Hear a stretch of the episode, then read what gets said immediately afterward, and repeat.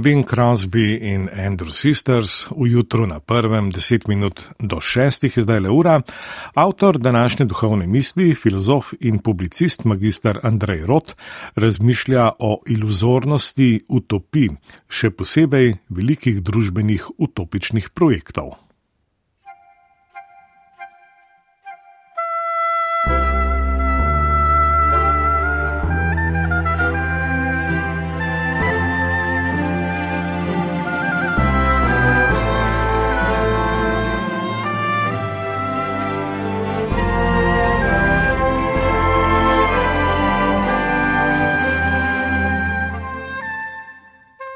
Berem in pišem o tem, kako se je največja utopija, ki so jo ljudje kdaj imeli na dosegu roke, sprevrgla in potopila v katakombe zgodovine, se zdi, da je šlo bolj za božjo kazen kot za človeško delo.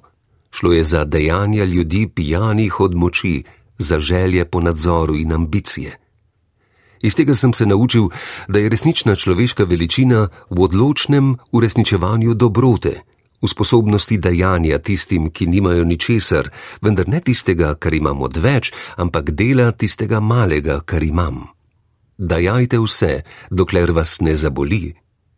Pri tem dajanju se ne ukvarjajte s politiko ali z zahtevo po premoči, še manj pa z izvajanjem lažne filozofije prisile nad drugimi, da bi sprejeli vašo razlago dobrote in resnice, ker verjamete vanjo.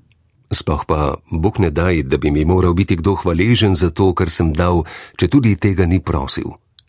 In čeprav sem vedel, da je moje naziranje v celoti neizvedljivo, kaj za vraga naj bi počeli z ekonomijo, denarjem, lastnino, da bi vse to delovalo, in kaj za vraga s privilegiranimi in zlobneži, sem bil zadovoljen, ko sem pomislil, da bi morda nekoč ljudje res lahko gojili tako stališče, ki se mi je zdelo tako temeljno zgolj zaradi svobodne izbire in etične nuje po solidarnosti in demokratičnosti.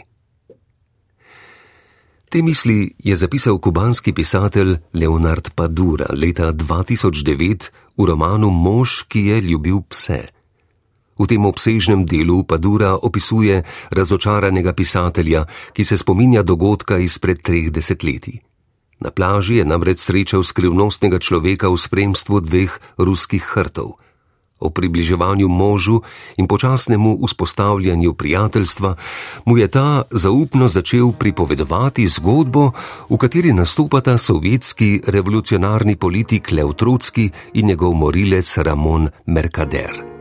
V pripovedi, ki je razdeljena na Trotskijevo potovanje v izgnanstvu in srečanje v Mehiki z Merkaderjem, pa Dura osvetli svoj pogled na kubansko in svetovno zgodovino.